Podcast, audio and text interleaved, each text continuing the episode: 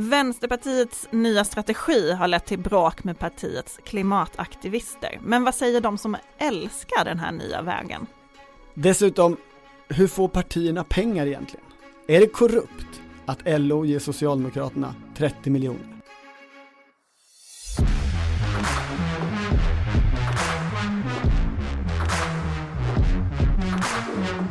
Det här är Politiken med Annie Reuterskiöld, Maggie Strömberg och Torbjörn Nilsson. Maggie Strömberg. I helgen har Vänsterpartiet kongress. Så är det. Och alla tidningar har skrivit eh, om de stora bråken om klimatpolitiken. Mm. Vad är det här för konflikt egentligen?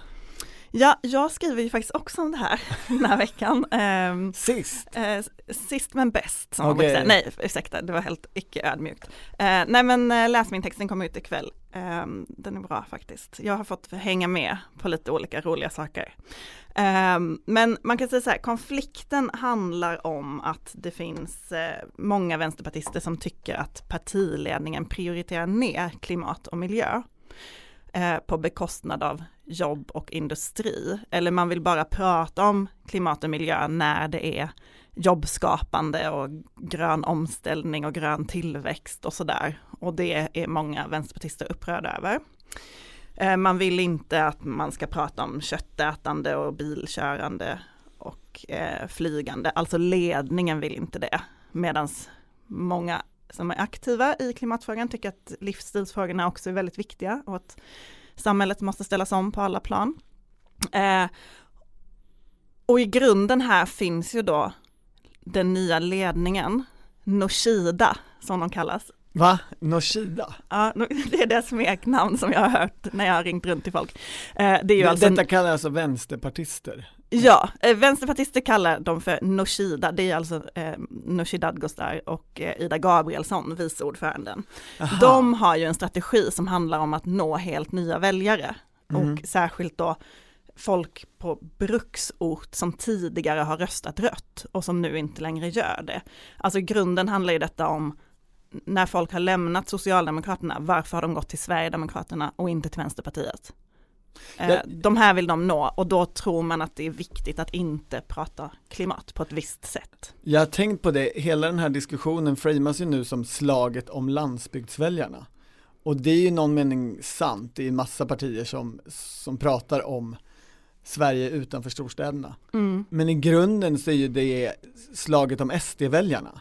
Alltså föreställningen är ju att, alltså allt det här beror ju på att Sverigedemokraterna har tagit sig in i, på den politiska arenan, varit otroligt framgångsrika och en, har, att man har en bild av att det är där deras väljare finns och ska man få deras väljare, ska man få Sverigedemokraterna att krympa så ska man ta väljare där. Så är det ju, men också att man väl gör analysen av att politiken eh, ja men ända sedan, jag vet inte, 2006-2010 har varit väldigt storstadsfokuserad man glömde landsbygden. Den kände sig sviken, jo, den det, gick till Det är SD. ju sant, men du har ju då hängt med de som vill göra den här förändringen i Vänsterpartiet. Alltså den nya strategin, nå mm. de här landsbygdsväljarna eller SD-väljarna. Vad, vad säger de? Vad tänker de? Ja men alltså de senaste veckorna när det har rapporterats mycket om, om den här konflikten så har man ju nästan bara hört de som är upprörda som tycker att partiet ska återgå till sin tidigare klimatkommunikation eller klimatprioritering. Men jag var med på ett medlemsmöte som Ida Gabrielsson höll förra veckan med personer som älskar den här nya strategin och skriker alltså äntligen. gräsrötter? Eh, det var för medlemmar men det var ju också eh, riksdagsledamöter närvarande, det var eh, ja, med så kommunalråd och regionråd och sådär. Eh, men det var personer på landsbygd och på, i bruksorter som tyck, har tyckt att det har varit eh, svårt att vara vänsterpartist. Därför att man tycker att man har inte pratat på ett sätt som tilltalar väljarna i de här orterna och de är jätteglada över den här omsvängningen. Ida Gabrielsson visade upp en bild på Fredrik och Filippa Reinfeldt och pratade mycket om Nya Moderaterna på det här mötet. Och mm -hmm. sa så här, vad är Vänsterpartiets pärlhalsband? Det var liksom inramningen i hennes eh...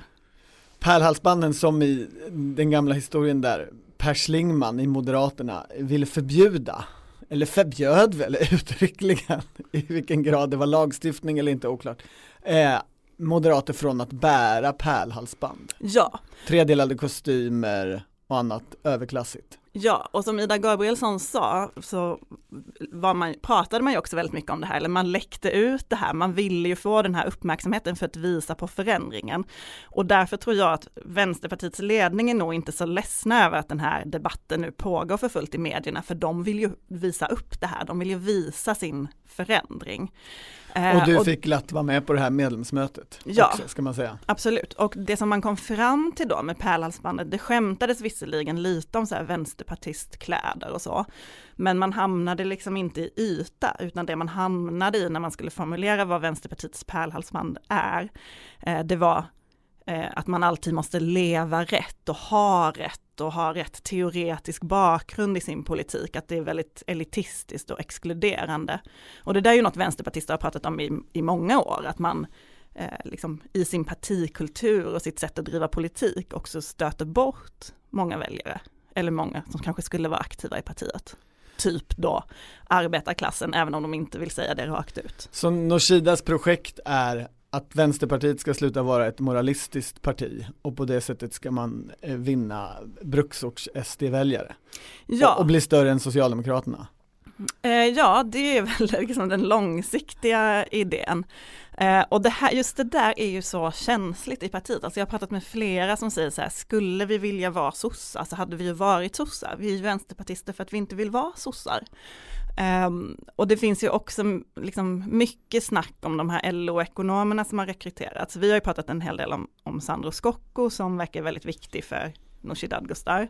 Men nu har de ju också rekryterat eh, Åsa-Pia Järliden Bergström som också är LO-ekonom. Och egentligen nog tror jag en, en tyngre LO-ekonom, hon kommer rakt, rakt därifrån. Ja, och hon har varit, var där i, i massa år. Ja, och um, det liksom säger ju folk också, det är liksom folk i partiet också, ja men jag har hört en del som är lite skeptiska och tycker så här, kan man bara komma rakt in från S och liksom börja styra över Vänsterpartiets ekonomiska politik? Men då för deras kritik är så att säga att Nooshi Dadgostar, eller förlåt Nooshida, eh, eh, Nooshi Dadgostar och Ida Gabrielsson håller på och gör partiet till någon slags socialdemokratiskt parti. Ja, jag har till och med hört att de håller på att göra det till ett centerparti. Att, eh, att de liksom, eh, ja men man ska plocka bort då allt som är Vänsterpartiets själ.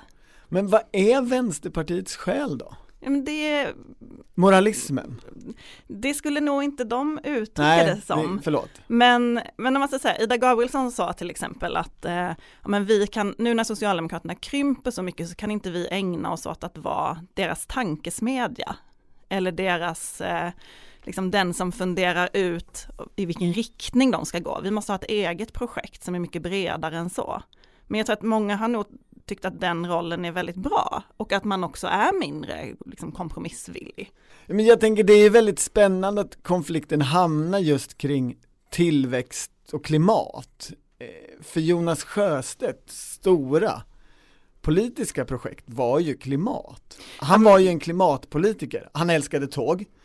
Det är ju väldigt roligt att detta sker samma vecka som Jonas Sjöstedt åker tåg till Hanoi på SVT. Det är ju det är ju kul. Ja, och det var ju inte bara en ytlig sak för Jonas Sjöstedt.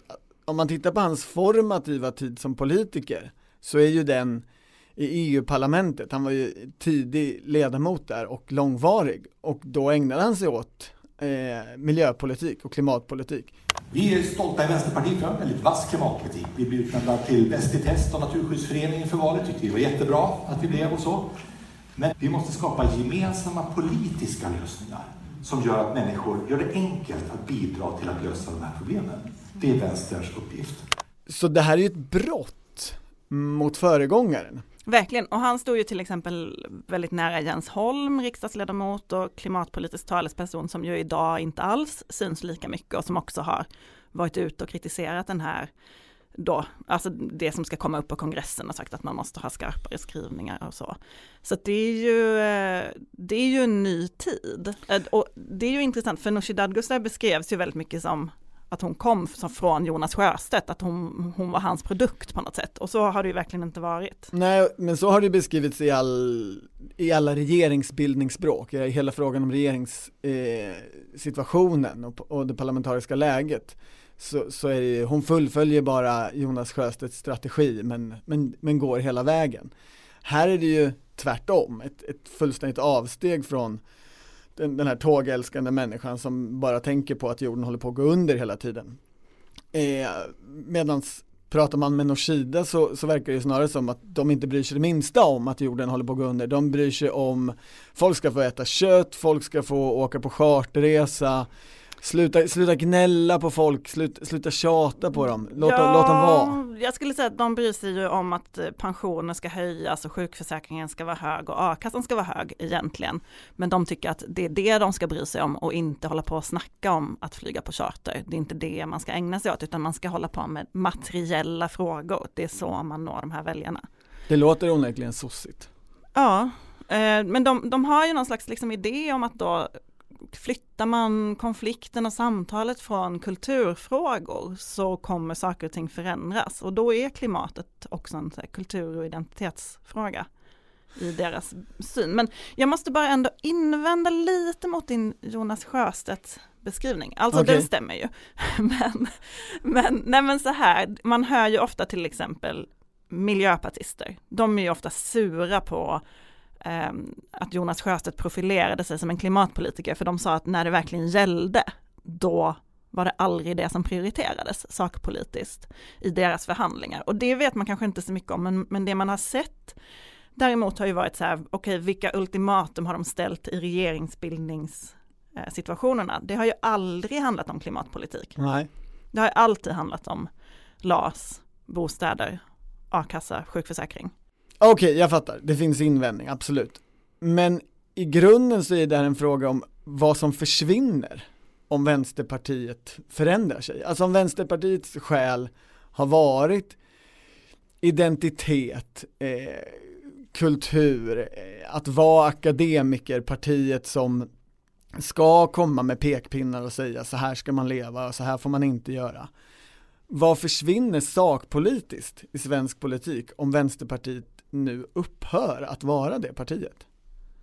Nej men det är ju intressant det där, alltså för om man till exempel läser eh, handlingarna inför kongressen nu och motionerna på valplattformen. Eh, jag satt och pratade med en, en eh, kollega på en annan tidning om detta som också har bevakat Vänsterpartiet senaste veckorna och som var lite så här, oj, orkade du ta dig igenom det? frågade hon mig och jag sa väl nej. Alltså för det, då är det ju väldigt mycket så här att märka ord. Kan vi verkligen ha den här rubriken? Ska vi säga invandrare eller invandrade? Alltså de ägnar sig ju otroligt mycket åt den typen av diskussioner som ju man kan inte riktigt se liksom motionen i riksdagen till följd av det. Nej, det, det är mer akademiska hårklyverier. Ja, men de kan ju vara viktiga, de kan ju påverka debatten, de kan ju liksom flytta saker i en viss riktning, men, men de är ju sällan konkreta. Det kan ju i och för sig en köttskatt eller en liksom ändrade förutsättningar för flygen vara. Det kan det vara, men jag tänker också att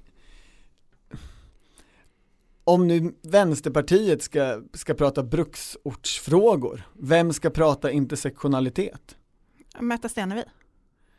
Vilket också är Då blir ro... de helt unika i svensk politik, det är de enda som är kvar och prata om, om liksom feminism på det sättet. En, en av de som är med i min text, där, som är regionråd i Värmland, hon sa ju eh, såhär, vi måste våga stöta oss med den där Märta Stenevi. Vi kanske tappar en procent till Miljöpartiet, men vi kommer vinna så mycket mer på andra kanten. Det här låter ju verkligen som ett lyckligt besked för Miljöpartiet får man säga.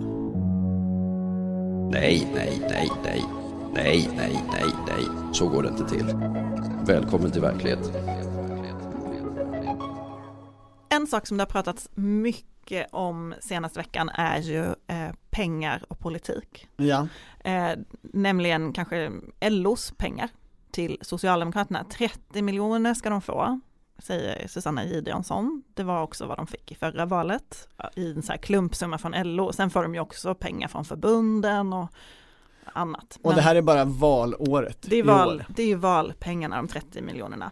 Eh, detta ledde ju då till debatt som det brukar göra. Eh, Gunnar Strömmer, Moderaternas partisekreterare, sa att det stinker korruption om detta.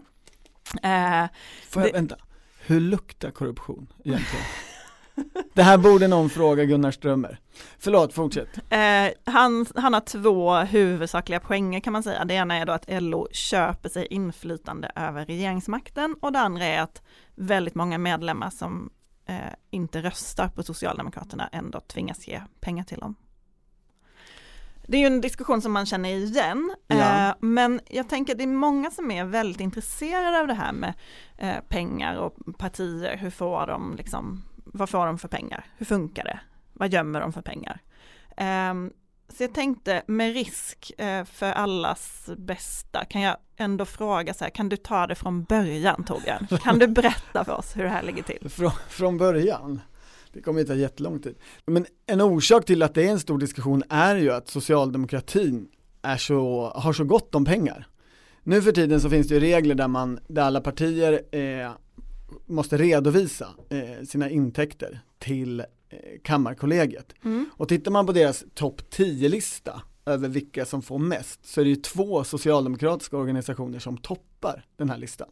Alltså först kommer Socialdemokratiska arbetarpartiet, själva partiet på nationell nivå. Sen kommer SSU. Sen kommer de andra partierna. SSU har alltså mer intäkter än vad Moderaterna har enligt det man rapporterar till Kammarkollegiet. Mm. Sen har ju Centerpartiet en massa pengar i en fond för att de sålde av sina tidningar. Men, men vilka intäkter som partiet faktiskt har rullande så hamnar man då under SSU i, i förra årets, eller 2020 års redovisning. Då undrar man ju var SSUs pengar kommer ifrån. Kommer de också från LO? Ja men det kommer pengar från fackförbund men egentligen så kommer ju socialdemokratins stora pengar från lotterierna. Alltså det är ju absurda mängder pengar. Ja, lotterierna. Ja, och sen kallar de dem ju liksom andra namn också för att det inte ska låta för socialdemokratiskt. Så att det liksom är en opolitisk lott, jag vet inte, kombilott eller vad det heter. Kammarkollegiet gör ju fina tårtdiagram där man ser liksom hur stor andel av pengarna som kommer från olika håll. Och den största posten i, i Socialdemokraternas diagram är A-lotterierna. De drar in 45% av liksom alla intäkter Socialdemokraterna har. Hur mycket är det? Det är 160 miljoner. Ja, på ett år. Pengar. Det är, det är otroligt mycket pengar. Och SSU får också pengar från lotterierna va? Det får de också. Så diskussionen har ju relevans för att den röda sidan, i alla fall socialdemokratin, har så himla mycket pengar. Historiskt däremot så är det ju precis tvärtom och diskussionen har ju snarare handlat historiskt om varifrån får den rika högern alla sina pengar? Alltså om man tittar till exempel i valet 1948 där finns det siffror från Gustav Olivecronas eh, klassiska bok Hur väljarna vanns. Eh, då ser man att högerpartiet, som Moderaterna hette då, hade ju 106 miljoner räknat i ungefär dagens penningvärde, medan Socialdemokraterna hade 75. Så där var ju styrkeförhållandena omvända de här pengarna från, som högern hade kom ju från, från företag. Niklas Stenlås har skrivit en klassisk avhandling om det där och statsvetaren Gullan Gidlund har räknat ut att mellan 97 och 99 procent av högerpartiets intäkter mellan 1948 och 1967 kom från näringslivet med ett antal storföretag som dominerande bidragsgivare. Men då skulle man ju kunna säga så här, det är väl inte så konstigt. Alltså LO bildade Socialdemokraterna, Moderaterna kommer från näringslivet från början, eller hur? Uh, ja, alltså Alltså för SAF bildade väl Moderaterna, eller? Ja, ja. Men ska man prata om det här på riktigt så, så måste man inte börja i pengahistorien riktigt, utan man måste börja i hur bildades de här organisationerna överhuvudtaget? Socialdemokraterna säger ju, det var LO som bildade vårt parti. Det är inte sant. Det gick ju till så här att det var ju de enskilda facken. Okej, det här tar en, en liten stund men... Ta, men ta det från början, ta det lugnt, vi har gott om tid. Vi tar oss tillbaka till 1880. Då fanns det fackföreningar i Sverige. De fackföreningarna var liberala.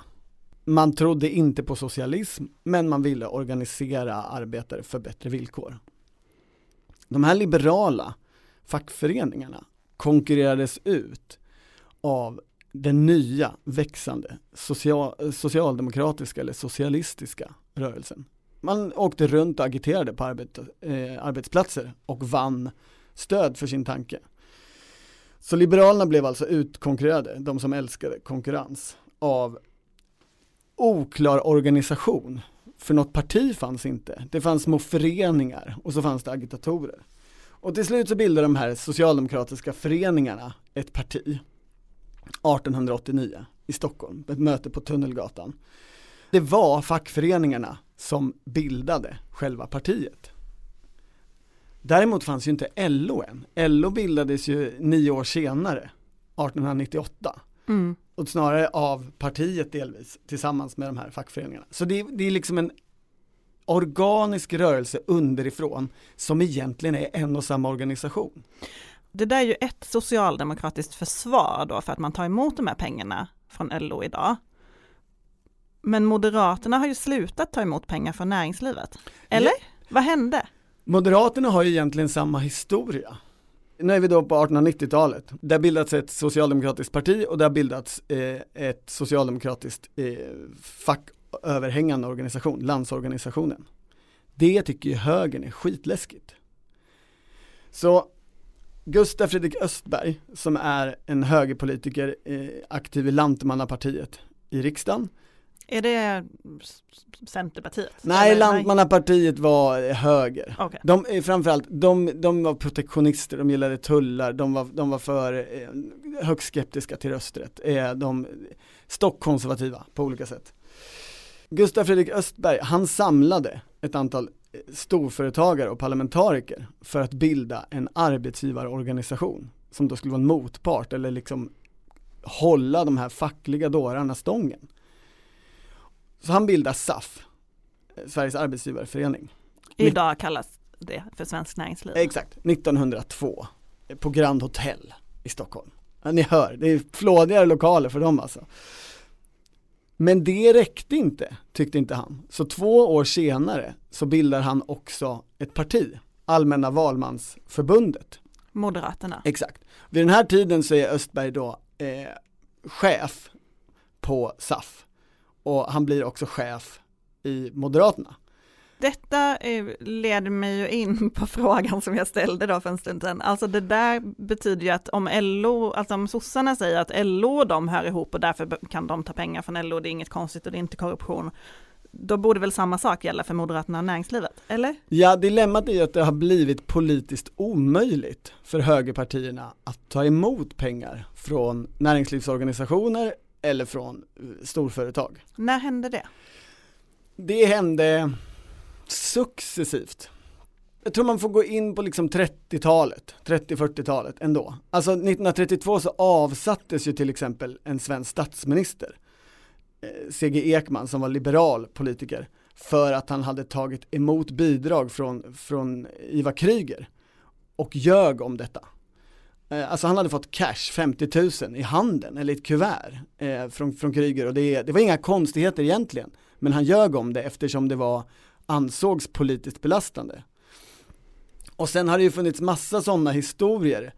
Och under hela den här tiden så är det ju ett konstant flöde av pengar från eh, företag till högerpartierna.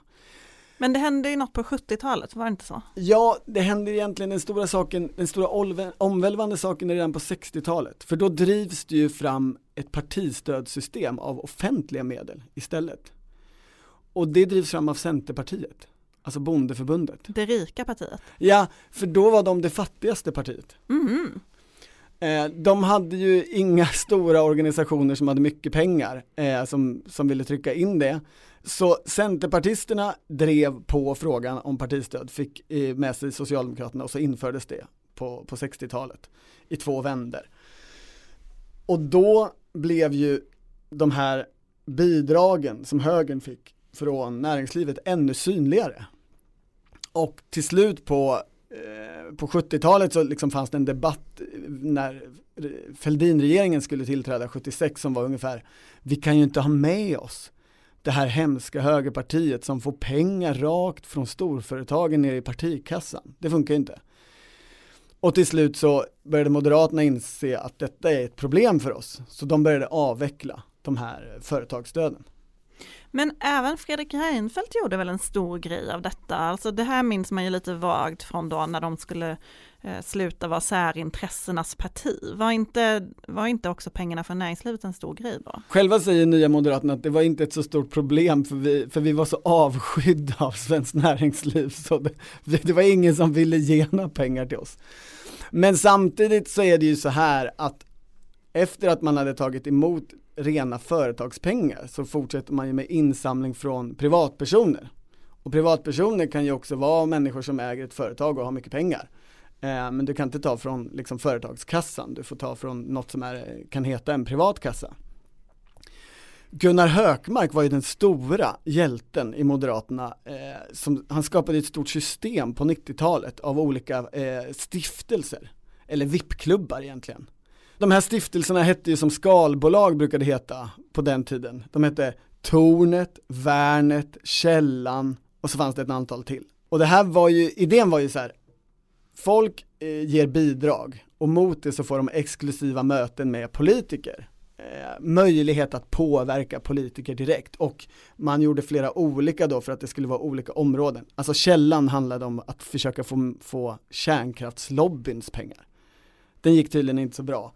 Det låter, det låter lite amerikanskt, man tänker sig att de minglar med liksom, eh, politiker som fjäskar för att få pengar. Ja, och det var det nog också. Och Tornet fanns ju kvar längst och var ju också jätteviktig för Nya Moderaterna. Sven-Otto Littorin som var partisekreterare, han tog ju över 2002 när det gick så dåligt. De fick väldigt lågt partistöd då, för partistödet eh, betalas betalas ut efter resultat i valet. Och han säger ju i, till exempel i Anders Pilblads bok om Nya Moderaterna så säger han att de aldrig hade kunnat genomföra någon valkampanj 2006 utan insamlingarna och utan tornet och det, det tig, den tiggarverksamhet man bedrev helt enkelt. De fick in 50 miljoner på tre år där fram till valet 2006 och det var också det som blev valbudgeten och när han började så hade han noll kronor i valbudget. Det var bara pengar från tornet och från andra privata då bidragsgivare som, som gjorde det möjligt att, att få till det där maktskiftet. Men samtidigt här hade man ju då en, alltså man, man sa ändå att man inte tog emot pengar från företag längre. Det var väldigt viktigt. Absolut, det var väldigt viktigt. Men det hindrade ju inte socialdemokratin från att skälla på, på Moderaterna för detta. Alltså det, här citerades ju Heidenstams det är skam, det är fläck på, eh, på Sveriges baner att medborgarrätt heter pengar i, i de socialdemokratiska eh, tidningarna och ledarsidorna. Det var fortfarande så att det var Moderaterna som satt liksom med Svarte Petter i finansieringsfrågan. Det ändrades ju så småningom och egentligen genom att man införde EU-regler för insyn i, i partiers ekonomi. Det är det som har lett till att man nu rapporterar till Kammarkollegiet? Ja. Ja men för att man tänker ju lite när man då tittar på detta utifrån och hör, liksom läst ledarsidorna på sistone, även jag satt också läst lite från förra valet kring det här med LO och Socialdemokraterna, så, så uppfatt, får man ju uppfattningen av att de nu vill göra det lika politiskt omöjligt för LO eller för Socialdemokraterna att ta emot de här pengarna av LO som det blev för dem. Ja. De vill liksom skapa en jämlik förutsättning. De tycker här. att det ska få vara rättvist. Ja, men, får inte vi ta emot pengar ska inte ni få ta emot pengar. Och diskussionen är ju så ändå så här, hur lågt eh, stöd kan S ha bland LO-väljare och liksom fortfarande behålla legitimiteten i det här. I förra valet eh, så var ju enligt Valu så hade LO, alltså så hade S 41 procent av LO-väljarna. Eh, valet innan dess hade de 53 och, alltså valet 2014. Och där i den tiden så fanns en diskussion som handlade om att går man under 50 procent, då kommer liksom det här börja bli ett problem för Socialdemokraterna och LO. Sa Socialdemokraterna det själva? Alltså det fanns en sån siffra, alltså jag tror, jag vet inte var den kom ifrån, men, men eh, när man då väl gick under 50 procent så började journalister ställa frågor om detta, nu ligger ni ju under 50 procent. Mm. Eh, och då liksom då slutade man prata om den där siffran och sa istället att det spelar ingen roll hur stort, alltså ett argument man hör nu är att det spelar ingen roll hur stort det här stödet är. Eh, det viktiga är ju att de driver arbetarnas frågor. Eh, det, ändå, det, det här gynnar våra medlemmar även om de röstar på SD. Jo men och där finns ju en svårighet i den här argumentationen eh, som LO-företrädare och socialdemokrater har när de ska motivera att det här är inget konstigt, vi är ju samma organisation.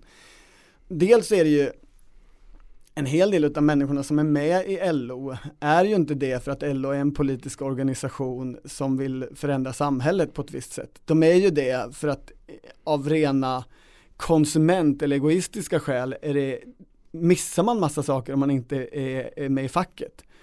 Eh, det, det, handlar ju om liksom förmåner ja, alltså, på jobbet och trygghet precis. och förhandlingar och you name it liksom. Allt är uppbyggt kring detta. Men så, så, tänk, så ser ju inte socialdemokratin detta. Men ett problem för dem blir ju, eftersom deras argument är vi är en och samma kropp, eller två grenar på ett samma träd. Om de här grenarna tycker allt mer olika i praktiken, så uppstår det ju en situation där de inte alls är en och samma kropp eller del av samma träd. Ja men och så, eh, så argumenterar ju LO väldigt mycket. Alltså jag var ju då när jag gjorde det här vänsterpartireportaget så var jag och träffade LO-ekonomen Åsa-Pia Järliden Bergström som då har blivit vänsterpartist. Och hennes argument för att byta parti var ju att Socialdemokraterna står allt längre ifrån LO-ekonomernas ekonomiska politik. Det är så svårt att få igenom förändringar på skatteområdet till exempel, medan Vänsterpartiet står mycket närmre LO politiskt.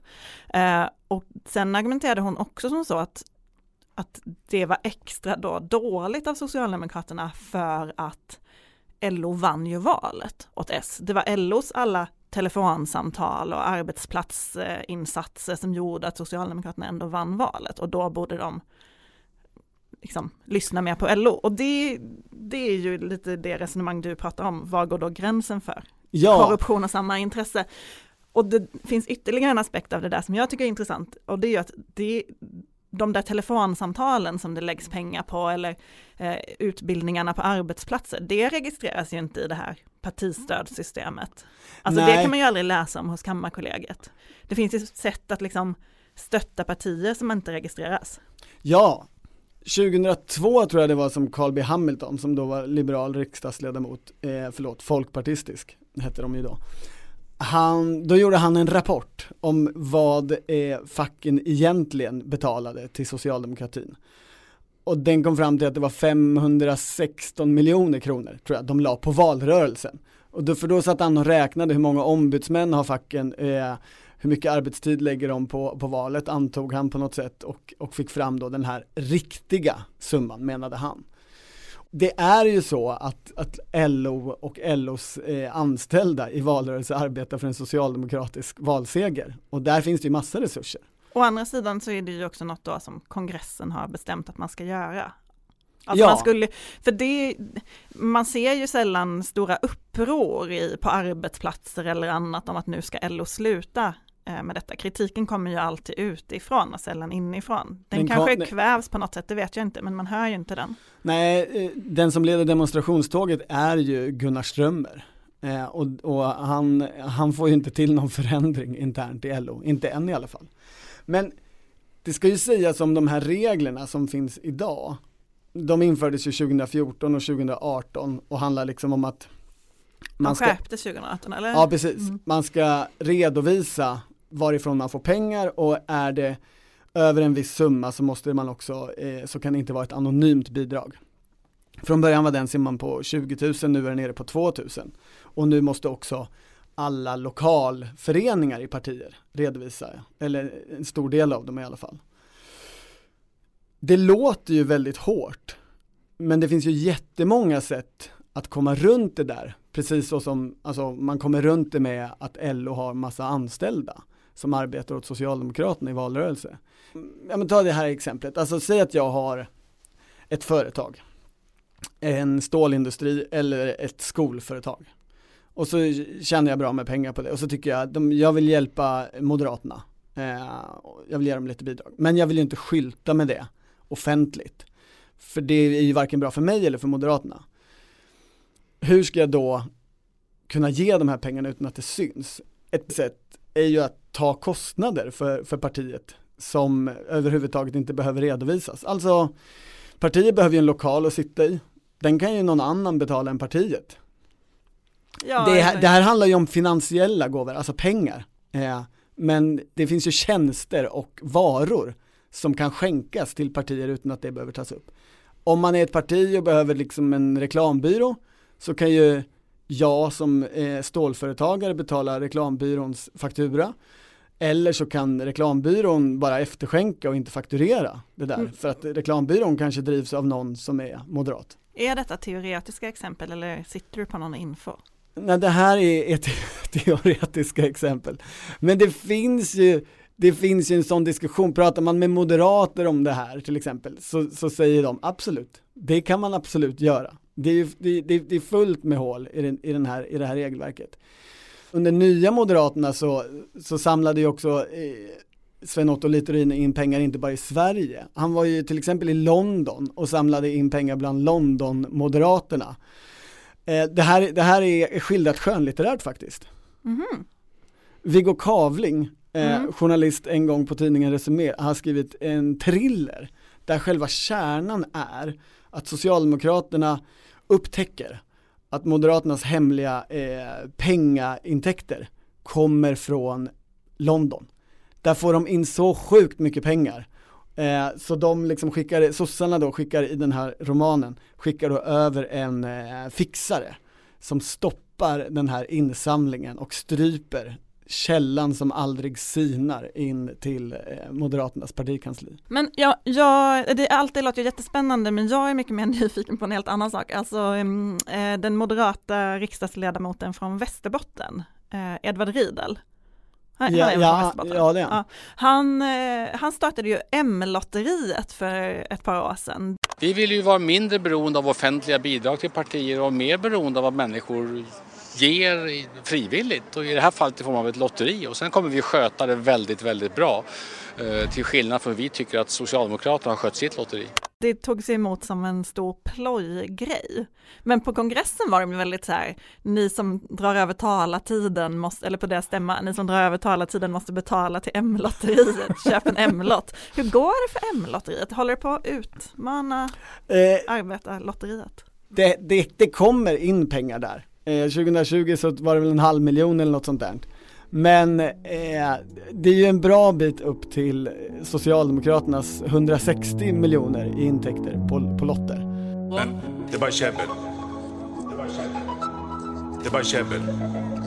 Det är bara käbbel, käbbel, käbbel, käbbel, käbbel. Ebba Busch sa i Dagens Nyheter häromdagen att hennes parti bildades i en eh, protest mot nazismen. Och detta har ju väckt mycket reaktioner eftersom det bildades i protest mot slopad kristendomsundervisning. Ja, Pingstväckelsen är en sån stor rörelse nu så vi kunde förändra Sverige. Hur, hur ska man förstå Ebba Busch? Du som är bra på att tolka henne. Nej, jag är bra på att tolka henne. Det vet jag inte. Och det har ju funnits tidigare sådana här historier, eh, Sofia Arkelsten som ville skriva om eh, Moderaternas partihistoria till exempel. Jag tänker att i det här fallet så är det, blir det intressant om man tolkar Ebba Busch lite välvilligt.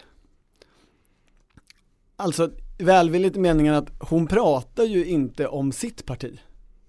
Utan hon pratar ju om det parti hon tror att hon är med i den generation, Ebba Busch och den generation kristdemokrater hon tillhör, de vill ju egentligen vara med i CDU, det tyska kristdemokratiska partiet, som ju i, startades eh, som en motreaktion mot nazismen.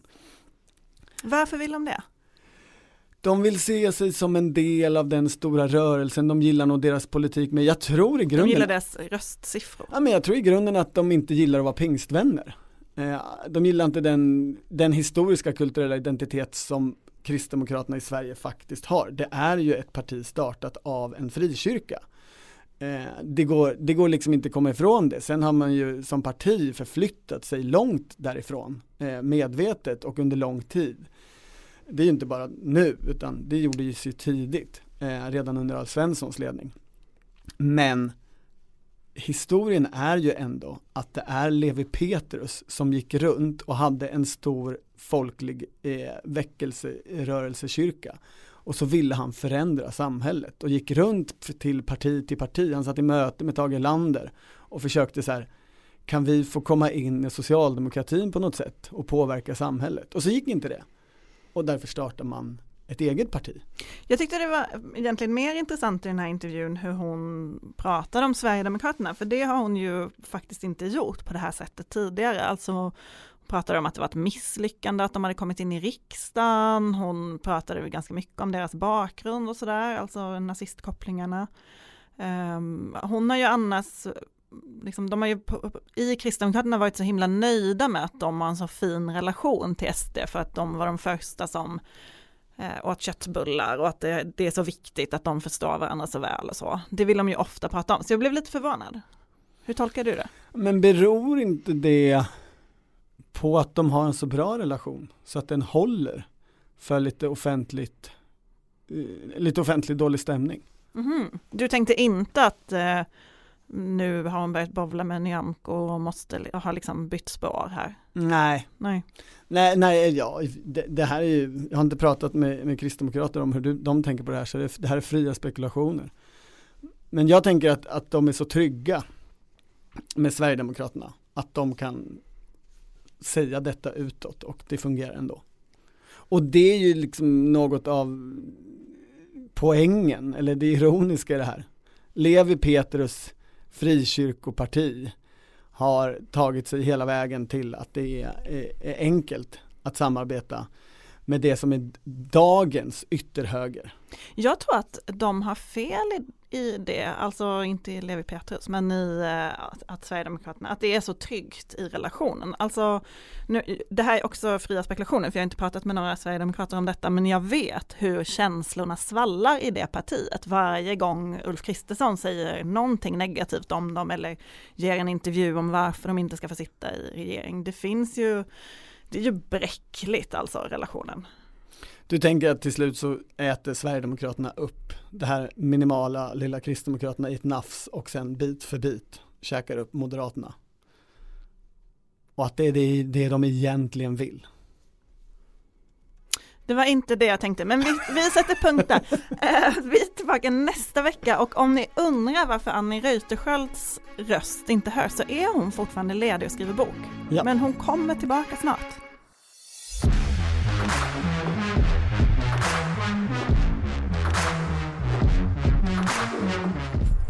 Du har lyssnat på Politiken, en podd från Svenska Dagbladet. Ansvarig utgivare är jag, Anna Kareborg.